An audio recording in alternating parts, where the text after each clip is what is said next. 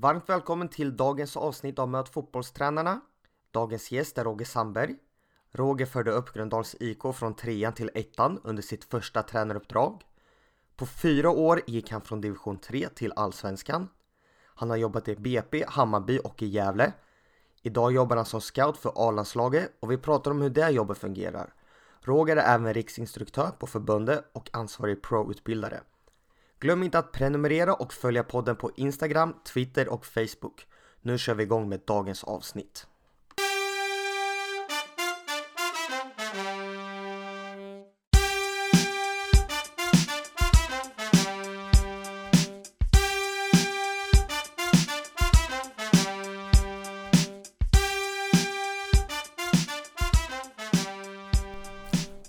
Och eh, varmt välkomna till dagens avsnitt. Jag sitter på Svenska fotbollsförbundets kontor med Roger Sandberg. Varmt välkommen! Tack så mycket! Hur är läget med dig? Det är bra. Det, nej, det, det känns jättebra. Det är fredag och eh, kommande landslagsuppehåll eh, här som, som är på gång. Där jag ska åka runt och se på lite matcher. Så att, eh, nej, det känns bra. Vad ska du se för matcher? Eh, ja, under, under uppehållet där så, så kommer jag att åka till Norge eh, och se Norge först och sen så åker jag till Färöarna och ser Färöarna. Så att eh, jag har ingenting med själva landslaget att göra i, under det här eh, landslagskvalet utan fullt fokus på mina lag som jag följer. Hur ofta åker du runt och kollar på matcher? Eh, jag åker så mycket jag kan men, eh, det, är ju oftast kopplat till landslagsuppehållen och, eh, och då är det ju så antingen så kollar jag på kommande motståndare som jag har fått tilldelade och det, i det här kvalet så är det Norge och Färöarna. Eller så är jag med då om vi, om vi ska möta någon av de två så, så är jag med i landslaget och följer träningarna och är med i diskussionerna runt matchplan och sånt som, som Peter och Janne drar upp. Vi kommer in lite senare på ditt uppdrag för A-landslaget. Mm. Men nu kör vi igång med faktarutan. Ålder? Eh, jag får nästan tänka efter där. Eh, snart 47 men jag är 46 fortfarande. När fyller du år? Eh, 12 juni. Familj? Eh, ja, fru, tre barn. Eh, bor ute i Mälarhöjden som är en närförort här i Stockholm. Bästa spelaren du har tränat? Som jag har tränat? Eh, ja... Vem skulle det kunna vara? Det var, det var jag inte riktigt beredd på. Um, men jag, jag, en, en favoritspelare ändå som jag vill nämna det, det är väl David Fällman som, som nu är i Hammarby. Som, som jag hade i Gävle och som uh, var en väldigt, väldigt bra lagspelare och en bra person på, på alla sätt och vis. Har du något favoritlag? Ja men det har jag. Eh, Liverpool är definitivt ett. Eh, och det är väl det, kanske det som jag främst tänker på. Jag ska faktiskt åka och titta på Champions League-finalen nästa helg. Så att, eh, då känner man att nästan att eh, de här känslorna för, för Liverpool blir ännu större när jag ska få se en sån match. Hur nervös är du inför finalen? Egentligen inte så mycket. Jag tycker det känns väldigt bra. Kanske oroväckande bra. Eh, jag är full av eh, optimism inför matchen. Men eh, vore förargligt efter en sån fantastisk säsong som de har gjort om de skulle förlora här och därmed inte vinna egentligen någonting trots att de gör en fantastisk säsong. Hur slutar finalen? 3 till Liverpool säger vi. Har du någon förebild? Ja, det har jag väl. Jag har väl ganska många sådär. Jag försöker, jag kanske inte har någon sådär given att jag, att jag har någon eh, eh, som jag tycker är fantastisk på allt. Utan jag försöker plocka från många och tycker att jag har många förebilder om man, om man tänker på, på fotbollstränaryrket så, så tycker jag det finns många som jag tycker har många bra egenskaper. Och, eh, om vi pratar om Liverpool så, så är Jürgen Klopp definitivt en av dem som jag tycker har eh, verkar i alla fall utifrån ha, ha egenskaper som jag gillar. Naturgräs eller konstgräs? Ja, eh, här får jag ju bli lite, lite politiskt korrekt och säga att eh, jag, skulle, skulle det handla om bara om att jag spelar själv så naturligtvis skulle jag vilja spela på gräs. Men jag ser ju definitivt fördelar med konstgräs. Jag kommer själv från, från norra Sverige och inser ju att det skulle inte funka att förespråka gräs uppe i Norrbotten. Men, men, eh, och jag ser också här i Stockholm de stora fördelarna med konstgräset. Där det är nu mest, numera mest engagerad i ungdomsfotboll och där kan jag konstatera att med, med konstgräs så, så finns förutsättningar för, för många fler träningstimmar och mång, många fler möjligheter till spontanfotboll som jag skulle vilja se ännu mer av. Eh, och fortfarande så kan jag väl konstatera att i, i Stockholm så, så, finns det utrymme för att bygga mycket mer planer men eh, jag ser ändå skillnaden de senaste 10-15 åren att det fler och fler konstgräsplaner ger bättre förutsättningar för att utveckla ungdomsfotbollen. Kostym eller träningsoverall på match? Eh, lite grann beroende på vilken klubb och vilken kultur och förväntningar. Eh, jag, kan, jag, jag, själv är kanske mer en overallstyp men, men jag har full förståelse för att i, i vissa klubbar så, så förväntas någonting annat. Vad gör du på matchdag som tränare? Ja, jag försöker, eller jag försökte, nu, nu, numera så är jag inte riktigt i den, den situationen. Men eh, jag försökte alltid eh, att, att inte gå in i matchbubblan allt för tidigt utan eh, använda dagen till att dels förbereda sig men, men också att försöka tänka på annat och kanske ge sig ut och springa eller på en promenad eller någonting som gör att man kan ändå skingra tankarna lite grann från, från själva matchen. Favoritsyssla utanför fotbollen? Eh, ja, det är mycket är ju kopplat till fotbollen men, men eh, ska jag nämna någonting så är det väl att resa. Jag gillar att resa och upptäcka nya platser och se nya platser. Och, eh, ja, jag nöjer mig med det.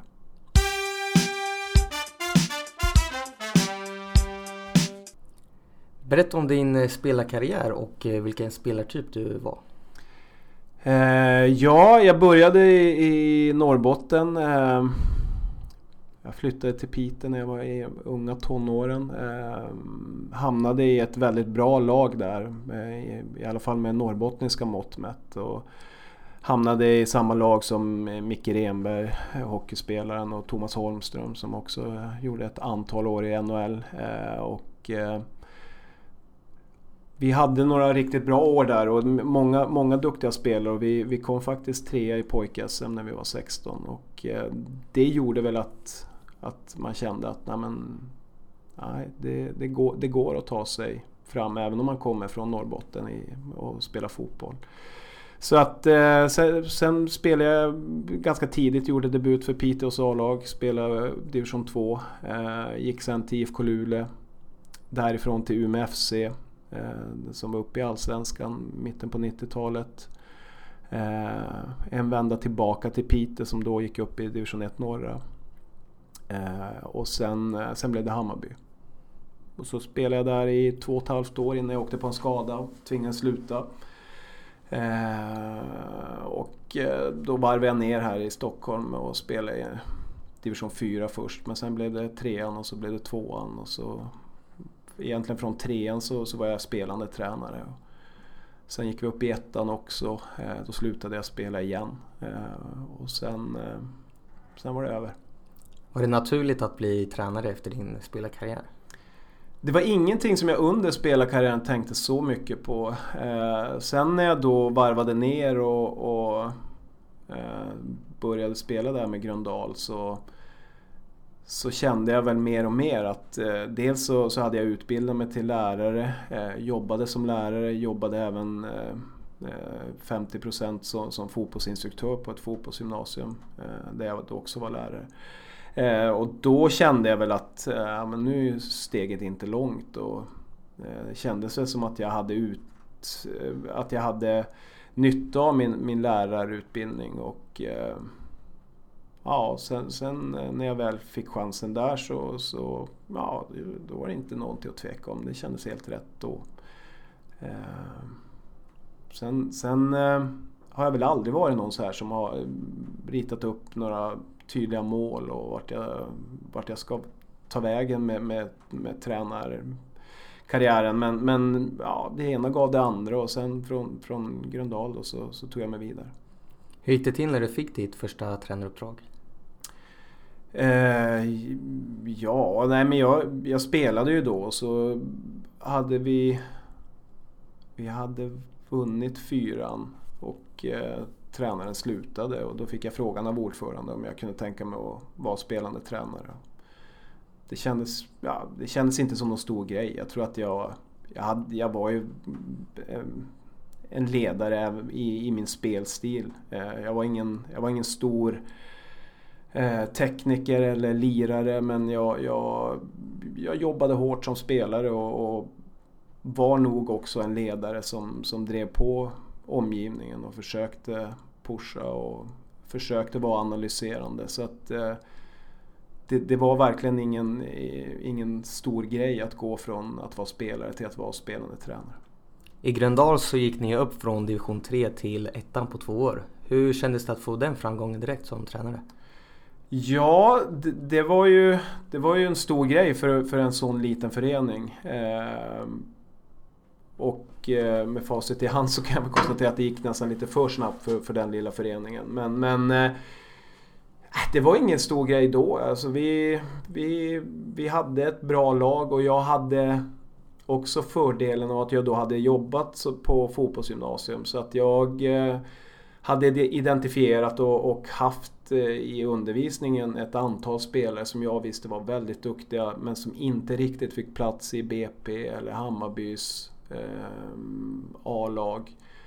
Och då kunde jag ju mm, tack vare att vi låg geografiskt gynnsamt till så kunde jag locka över dem till, till Gröndal. Och, så vi hade en väldigt bra blandning med, med dels gamla lite mer avdankade spelare som hade varit på hög nivå och så fick vi in de här unga hungriga spelarna som, som var på gränsen i BP och Hammarby och Enskede. Och, och då till slut så hade vi ett riktigt bra lag och då, då var det inga konstigheter att vinna då.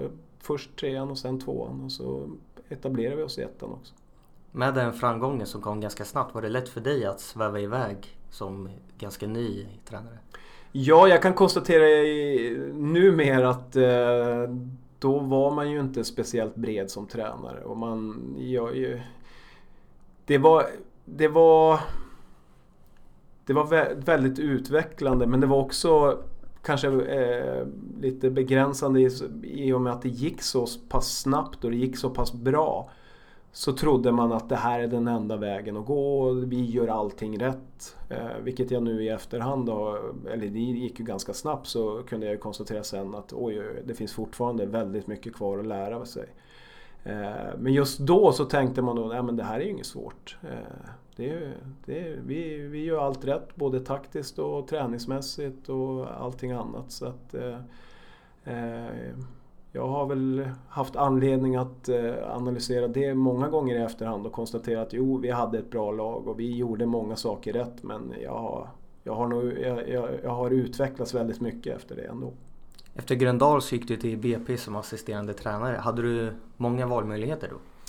Eh, ja, jag hade nog ett, ett antal erbjudanden då eh, runt Stockholmstrakten. Eh, men BP var ju för mig då det absolut bästa steg jag kunde ta. Ehm, dels så hade vi i Gröndal haft ett samarbete med BP så jag kände till föreningen och ledarna och eh, Kim som då var huvudtränare, Kim Bergstrand, eh, hade jag jobbat med på Fryshuset där på fotbollsgymnasiet. Så att, eh, det var helt rätt väg för mig att gå då. Ehm, och jag lärde mig mycket under de åren. BP var en helt annan typ av miljö än vad, vad Gröndal hade varit. Eh, BP med sina unga spelare med väldigt eh, tekniskt drillade, eh, skickliga. Eh, så så det var, det, jag lärde mig mycket under de åren och det var väldigt utvecklande för mig. På fyra år hade du då gått från division 3 till allsvenskan som tränare. Vad var det du hade som tränare tidigt? Ja, svårt att säga men, men eh, i det läget så hade jag nog mest min egen trä- äh, spelarerfarenhet som jag föll tillbaka på. Plus att jag då hade min lärarutbildning. så att Ska jag säga någonting så var det väl att jag, att jag ändå var ganska bra på att ta, ta människor och, och bygga en relation och, och, kanske lära ut mycket av de erfarenheter som jag hade haft som spelare. Eh, Numera så vet jag ju att, eh, att vara tränare innebär så mycket mer än bara det. Men det var väl det som jag levde på mycket de första åren. Vad eh, tror du att eh, spelarkarriärer betyder för tränare? Är det viktigt att ha en egen spelarkarriär? Det är klart att det finns fördelar. Men det är inte på något sätt så att det är den enda vägen att gå på, på tränarutbildningen idag så, så stöter jag ju på alla sorter. Eh, allt ifrån de som har gjort eh, åtskilligt över 100 landskamper till de som eh, inte har spelat på någon egentligen nivå. Eh, kanske rent av lagt av som spelare när de är 14-15. Eh, och jag kan se att det finns fördelar för båda. Naturligtvis är det en fördel om man har varit spelare och man kan känna igen situationer och man kan eh, sätta sig in i spelarens perspektiv. Men, men det är ingen garanti för att man eh, eh blir en framgångsrik tränare. Eh, det, det, det, frågan är komplicerad men jag, jag, kan absolut se fördelar men, men som sagt var det är inte någon garanti för framgång. November 2010 skrev du på som assisterande tränare i Hammarby. Vad var det som lockade dig dit? Eh, nej men det var ju också relativt eh, naturligt eftersom eh, jag hade spelat i Hammarby och, och har ju, är, är ju Hammarbyare i grunden. Eh, och jag hade ju fortfarande under tiden i Gröndal eh, också kombinerat med, med att scouta för, åt Hammarby, scouta spelare. Så att eh, jag hade ju en koppling till klubben. Och, eh, så att eh, när jag fick den frågan så kändes det också som, en, som ett naturligt steg att ta i det läget. Eh, med facit i hand kan jag väl konstatera att där kanske jag skulle ha varit lite mer eh, satt mig in lite grann bättre i, i, hur det såg ut i föreningen. Det var, det var en väldigt stökig period med, med sportchefsavgångar, ordförandeavgångar eh, och allmänt ganska stökigt. Och det, det naturligtvis smittar ju av sig även på, på det rent fotbollsmässiga. Huvudtränaren Roger Fransén fick ju sparken under hösten där 2011. Vad var det som låg till grund för det? Ja, jag antar eh, att eh, styrelsen inte var nöjd med de resultat som, som eh, vi hade just då. Det var, det var väl huvudorsaken. Och då tog ju du över och vad förändrade du då under resten av säsongen? Eh, ja, det, det, var ju inte speciellt många matcher kvar ska jag säga. Så det var inte så himla mycket man kan förändra där. Men eh, den stora utmaningen i det läget med, med en väldigt utsatt situation i, i, i Superettan och där, där eh, eh det var väldigt oroliga tongångar handlar väl snarare om att försöka få spelarna att slappna av och försöka eh, få ut så mycket som möjligt på planen. Men det var, det var en enorm press under den hösten. Eh, och det var ju inte så att spelarna inte noterade eh, domedagsprofetiorna om att skulle vi åka ur så skulle, skulle det vara slutet för klubben. Och det, det var en enorm press och med facit i hand så är jag extremt nöjd att vi klarar oss kvar. Hur pressad kände du dig som tränare då? Eh, väldigt, otroligt lärorik period. Eh, och där jag, jag, eh, jag menar, att det är en press på en elittränare i, i, i dagens fotboll, det råder det ingen tvekan om. Men där blev det ju för mig på något sätt den, första gången som jag verkligen eh, fick känna av det mm, praktiskt. Och, eh, också en period där jag själv eh, lärde mig att jag, det funkar inte att, att jobba dygnet runt och bara tänka fotboll. Och jag, mm, under den perioden lärde mig lite metoder för hur jag, hur jag skulle klara av den typen av, av press som, det, som rådde då. Vad var det för metoder? Kan du dela med dig och ge lite tips? Ja, men det, det handlar mycket om att, eh, att på något sätt skapa, skapa sig egen tid. Eh, där man försöker koppla bort fotbollen så mycket som möjligt. Och för mig så, så jag, jag hittade vägen med dels egen träning men också att, att eh, jag läste mycket böcker. Eh, och upptäckte att eh, böckerna var en en väldigt bra, ett bra, en bra metod för mig att koppla bort omgivningen och eh, för, för en stund eh, slå bort de här kanske då oroskänslorna eller, eller pressen som man kunde känna. Från årsskiftet sen fram till sommaren var du assisterande igen och då till Greg Berhalter. Var det tråkigt att ta ett steg tillbaks och bli assisterande igen? Nej, för att eh, jag, jag, jag, visste ju vad jag var anställd för. Jag var anställd för att vara assisterande tränare och eh, jag fick ju, när vi, när vi väl hade klarat oss kvar så, så hade jag en dialog med dåvarande ordförande att eh, där han sa att ja, det, det, är aktuellt att du är kvar som huvudtränare men vi tittar också på andra spår. Jag sa det är helt okej okay för mig. Och jag förklarade för, för dem att i det här läget så är det väldigt viktigt för Hammarby att få in en tränare med erfarenhet. Eh, just med tanke på den press som, som var just då. Att det var väldigt oroligt i hela föreningen. Allt ifrån eh, supportrar till sponsorer till, till, till eh, vårt kansli så, så var det stökigt. Eh, och, eh, jag var helt övertygad om att det, det Hammarby behövde då var en tränare med erfarenhet och som skulle komma in med, med pondus och som kunde skapa sig en, en slags buffert innan det blev oroligt igen. Eh, så att jag, jag var helt inställd på det. Varför valde du att lämna Hammarby sen under sommaren? Eh, nej men jag, jag, jag, kände att jag trodde inte på den inslagna vägen i det läget. Eh, och det var, det var flera delar i det. Men en del var att jag jag hade svårt att stå bakom den typen av ledarskap som, som Greg Beerholter stod för. Eh, och det var väl kanske det mest, mest bidragande faktorn, men det var andra också. Hur var ledarskapet på vilket sätt? Ja, men det var... Det var... Eh,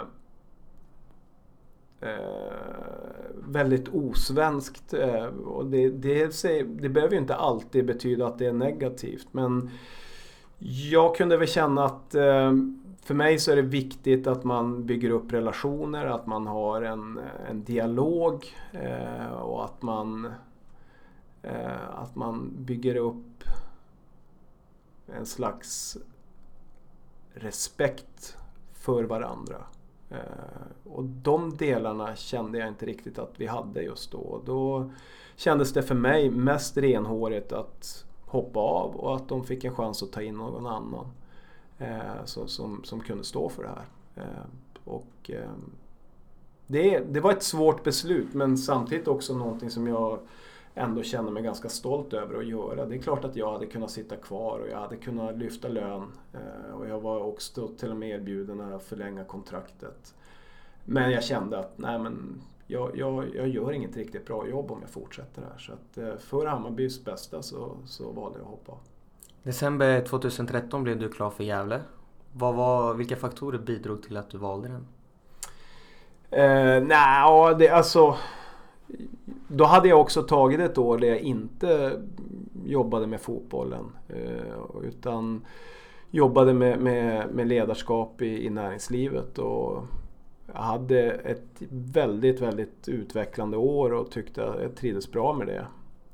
Eh, men sen kom Gävle med, med erbjudandet där och det gick ju väldigt snabbt. Eh, Pelle Olsson fick erbjudandet att hoppa på Djurgården och, och tog det och sen dröjde det inte länge så, så hörde de av sig till mig. Och för mig så, så kändes det väldigt spännande med Gävle. Det var en, just känslan då var att man hade ett väldigt bra lag på pappret. Man hade gjort en, eh, en bra säsong. Man hade tagit beslut om att bygga en ny arena. Eh, så det fanns väldigt mycket som, var, som, som kändes spännande och, och intressant. Och för min egen del så, så var det naturligtvis en, en möjlighet att vara huvudtränare på allsvensk nivå. Så att, eh, allt, allt sammantaget gjorde att det kändes som ett, ett bra, bra erbjudande. Hur tufft var det att ta över efter en ikon i klubben som Pelle Olsson? Jo, det märktes. Det, det, det var, fanns utmaningar med det. Han hade ju varit väldigt tydlig med, med allt ifrån sitt ledarskap till hur, det sätt som de tränade på, det sätt som de spelade på. Eh, de, många av spelarna var ju kvar men framförallt var ju alla ledare runt laget också kvar. Så att eh, det, det var ju en utmaning att på något sätt hitta nya sätt att jobba på samtidigt som man inte ville förstöra de bra sakerna som de också hade byggt upp under en lång tid. Så att eh, det, det, det var en ganska svår avvägning. Hur jobbade du för att komma in i föreningen? Ja, man jobbar ju på många olika sätt men, men eh, för mig som sagt var det viktigt att ha, att ha en dialog och den dialogen var också viktig i det skedet. Att prata med, med både ledare och spelare och försöka bilda sig en uppfattning om vad som hade varit bra och vad som hade uppfattats vara bra och vad som fanns att utveckla. Och så att, eh, det var väl första skedet att, att verkligen eh, bygga upp den, den relationen. Vad ville du göra med ditt Gävle som tidigare hade varit väldigt känd för sin defensiva stil? Ja, nej, men det, och, och, det var de ju väldigt duktiga på och hade, var ju imponerande kunde jag ju konstatera även innan jag hoppade på det, det jobbet att eh, de hade en fantastiskt bra rollacceptans och fick spelarna att jobba mm, på det sätt som de ville och extremt tydligt. Eh, så att eh, jag, jag, jag var, försökte ju verkligen ta till mig de bitarna som var positiva och, och sen, sen det jag kom fram till var ju att det fanns utrymme att, att utveckla det offensiva spelet. Och det var ju också en, en av delarna som, som jag då tog med i beaktningen. Det var ju att vi skulle byta arena eh, ett år senare.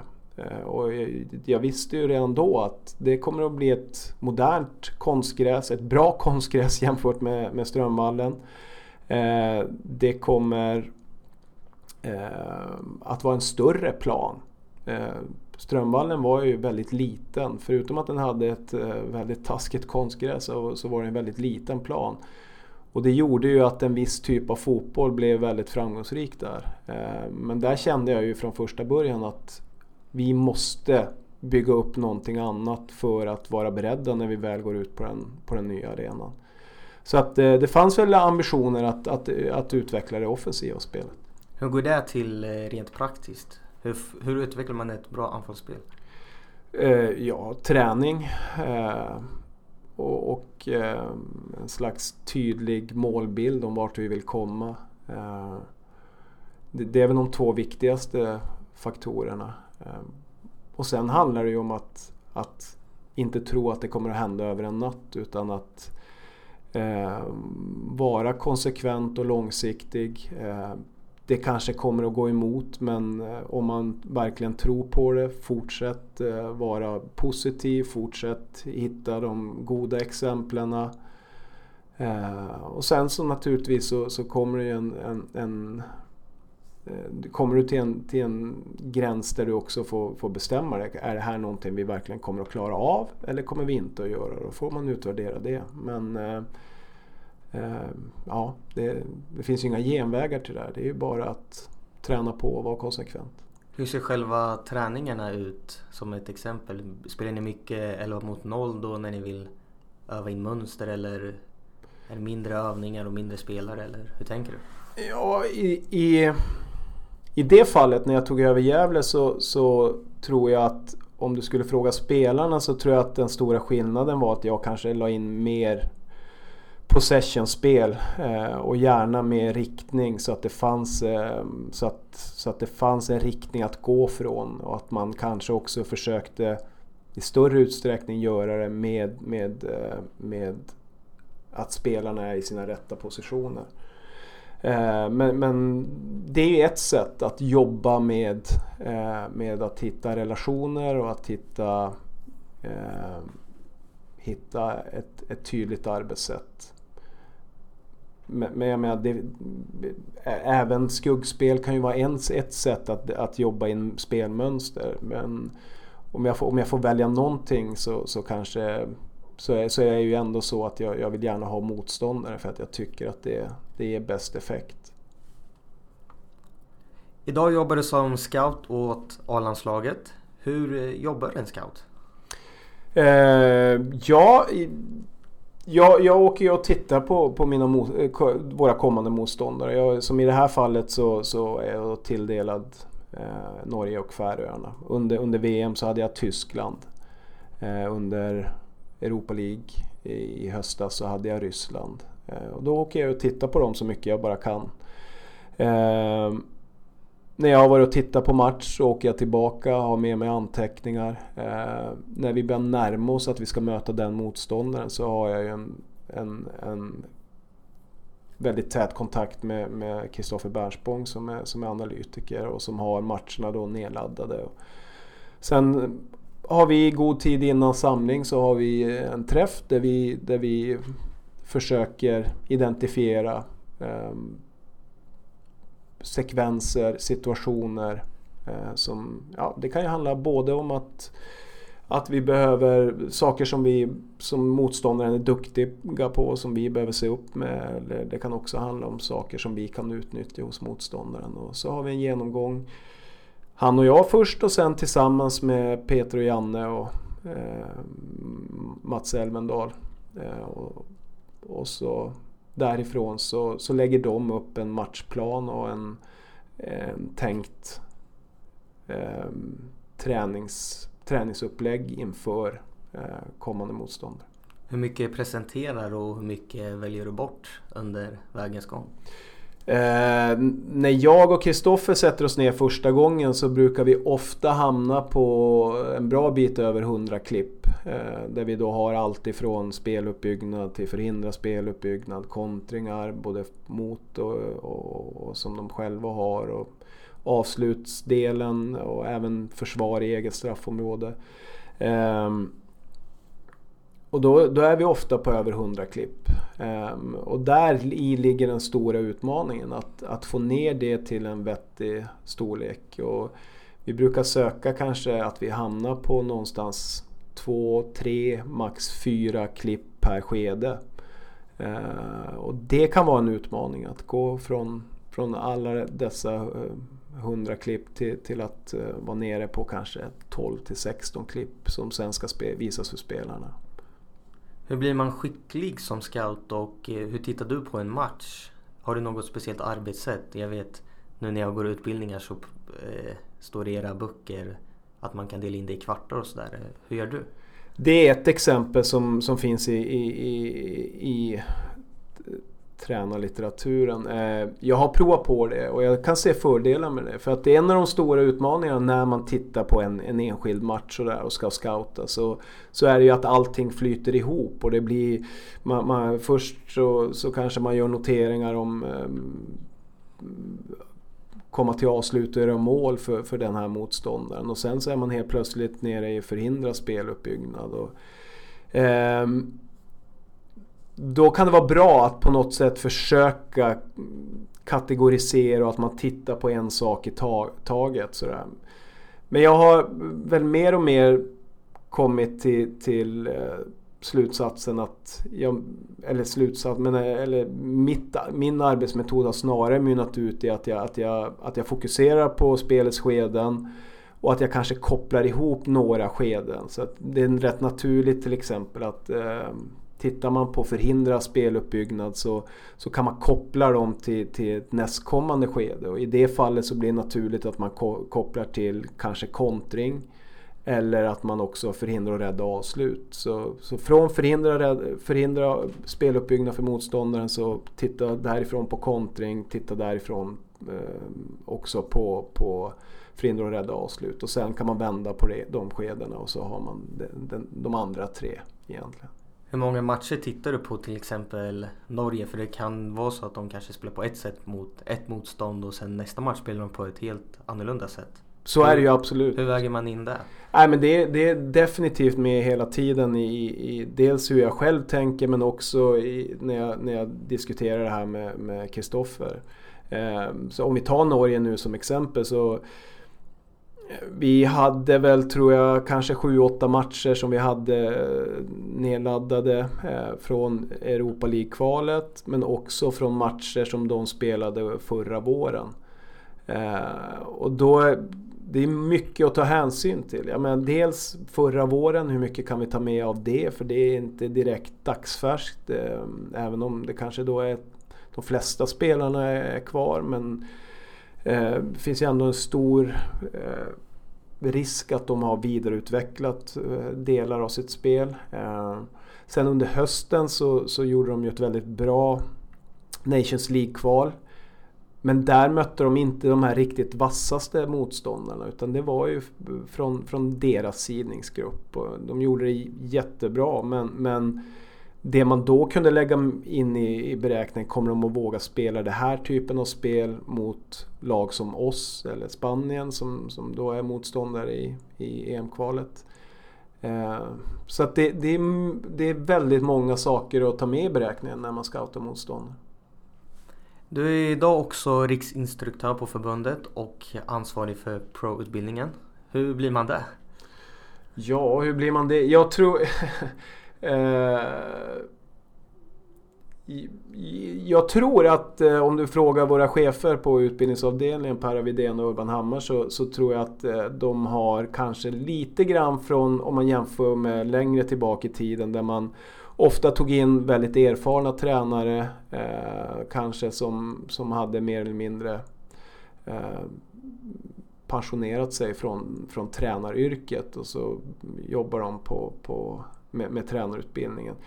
Idag så kanske man har en annan inriktning och att det, att det mer handlar om att det ska vara pedagogiskt utbildade med tränarerfarenhet eh, som man vill ha, ha på, på tränarutbildningen. Och eftersom jag har en gymnasielärarutbildning i grunden och jag har jobbat som lärare i nästan tio år så, så känns det som att jag har en ganska bra täckning för just eh, den pedagogiska biten och sen har jag också erfarenhet av tränaryrket. Vad är roligast med ditt jobb? Um, ja, men jag, för mig så är det ju, för mig passar ju det här väldigt bra. Jag, jag gillar ju Eh, den pedagogiska delen. Jag gillar ju att vara i ett klassrum och jag gillar ju att vara en, en lärare. Och så gillar jag fotboll så att eh, jag får ju verkligen eh, alla de delarna. Men om jag ska välja ut någon specifik bit i själva tränarutbildningen så är det ju, ja, så, så, är det ju att åka ut på handledarbesök till, till provstudenterna. Att eh, besöka dem i deras hemmamiljöer, eh, se hur de jobbar, eh, sitta där lite grann som en fluga på väggen och se hur tränarteamen jobbar ihop. Eh, dialogen med spelarna. Eh, och sen går det inte att komma ifrån att jag själv också tycker det är kul att vara ute på träningsplanen då i samband med de besöken. Och, för det är ju inte så mycket nu för tiden så, så då får jag en chans att eh, se spelarna ute på planen och analysera träningarna. Vad har ni för heta ämnen och eh, diskussioner på utbildningarna just nu? Eh, ja, det är alltid bra diskussioner och det är väl också en del av mitt jobb som jag, som jag är otroligt tacksam för. Att jag får vara del av så mycket diskussioner. Och, och oftast eh, duktiga, unga, välutbildade tränare så, så blir ju diskussionerna också väldigt intressanta. Eh, jag kan inte påstå att det är någonting som är sådär, eh, något ämne som är, som är mer framträdande än någonting annat. Men, men någonting som vi pratar väldigt mycket om i själva tränarutbildningen det, det är ju reality-based learning. Att vi, att vi verkligen vill hitta möjligheten att tränarna själva ska gå utgå från sin verklighet, sitt lag, sitt arbetssätt, sin trä, sina träningsmetoder. Och att det sen utgångspunkten för våra diskussioner om hur man kan utveckla, hur man kan ta nästa steg och eh, hitta en progression i, i, deras sätt att jobba. Tycker du det är någon skillnad i diskussionerna från CBA Elit med före detta elitspelare jämfört med en vanlig tränarutbildning? Ja men det är det och då, då återkommer vi till den där diskussionen om eh, fördelar eh, respektive nackdelar med, med spelarbakgrund. Eh, Eh, det blir ju väldigt många intressanta diskussioner onekligen i en CBA-grupp med, med före detta elitspelare för att de, eh, de kan ge exempel från när de själva har varit med och när de själva har upplevt saker som spelare. Eh, så, så, så, som utomstående blir det ju väldigt intressant att höra de diskussionerna.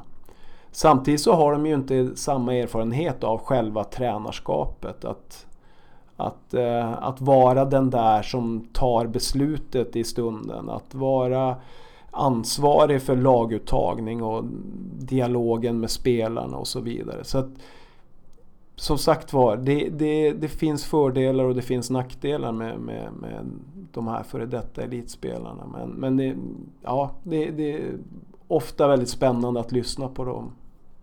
Hur ser fördelningen ut eh, med fotbollskunskaper kontra ledarskap? I utbildningarna? Mm. Eh, ja, men vi, fotbollstränarutbildningen som helhet kan man säga vilar på tre ben och det, det är ju själva fotbollen är naturligtvis en del. Eh, och sen har du ledarskap och så har du fotbollsfysen. Det, det, man kan säga att det, det är de tre eh, pelarna i, i utbildningen. Eh, svårt att säga att, att det ena är större än det andra men jag kan väl konstatera att i, på provutbildningen så är det inte speciellt mycket i själva klassrummet om fotboll. Utan den fotbollsutbildning som, som deltagarna får är ju i mesta möjliga mån i deras hemmamiljöer med handledare som ger dem feedback på hur de jobbar. Eh, så det är inte mycket ja, utbildning i den bemärkelsen utan snarare mer handledning och, och mentorskap och, och mycket, mycket dialog. Pratar ni någonting om arbetsbelastning och risker för utmattning? Absolut. Absolut och det gör vi Det gör vi även på, på A-kurserna.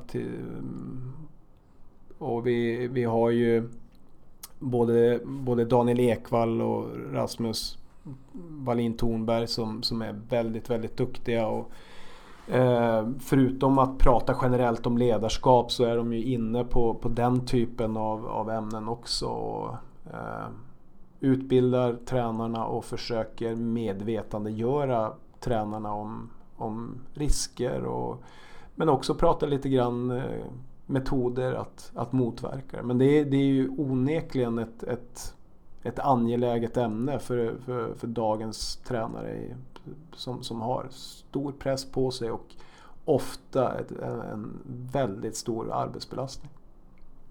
Vad anser du att eh, en tränares främsta uppgift är? Eh, skapa relationer. Eh, och, och eh, skapa förutsättningar för laget att få så bra resultat som möjligt om vi pratar på seniornivå och att få så bra utveckling som möjligt om vi pratar om ungdomsnivå. Hur tycker du en bra tränare och ledare ska vara? Eh, du har, det finns ju olika typer av tränare och det finns eh, exempel på väldigt framgångsrika tränare som är på olika sätt. Så det, det, är svårt att bara säga så här ska en tränare göra för då blir de framgångsrika. Men om, jag, om jag får lägga in mina egna personliga värderingar så tror jag att det är väldigt viktigt att en, att en bra tränare är en bra människokännare som, som är bra på att skapa just de här relationerna. Idag handlar det inte bara om att leda de här elva spelarna ute på matchen. Utan idag handlar det om att leda ett, ofta ett stort tränarteam. Pratar vi på elitnivå så är det ju en enorm mängd specialister. Och är, du ska leda allt ifrån eh, materialförvaltarna till, till eh, fystränaren till, till eh, kanske några, några stycken assisterande tränare och så vidare. Och sen ska du ha ett ansvar för hela spelartruppen också. Det, då handlar det om att, att verkligen eh, vara duktig på att ta människor. Saknar du att träna ett lag idag? Stundtals kan jag göra det. Eh, jag ska säga att jag är enormt nöjd med det jobb jag har och jag tycker jag, Eh, tycker jag har ett spännande jobb på, på alla sätt och vis och utvecklande. Eh, och jag känner att jag, jag, jag lär mig saker hela tiden.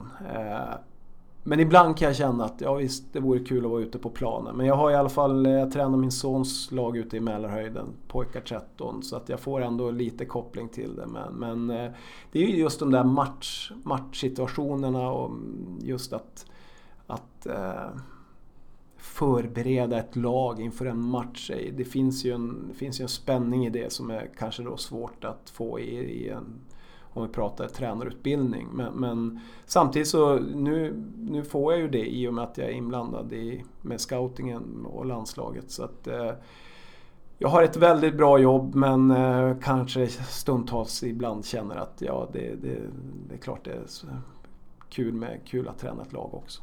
Har du varit nära något nytt uppdrag?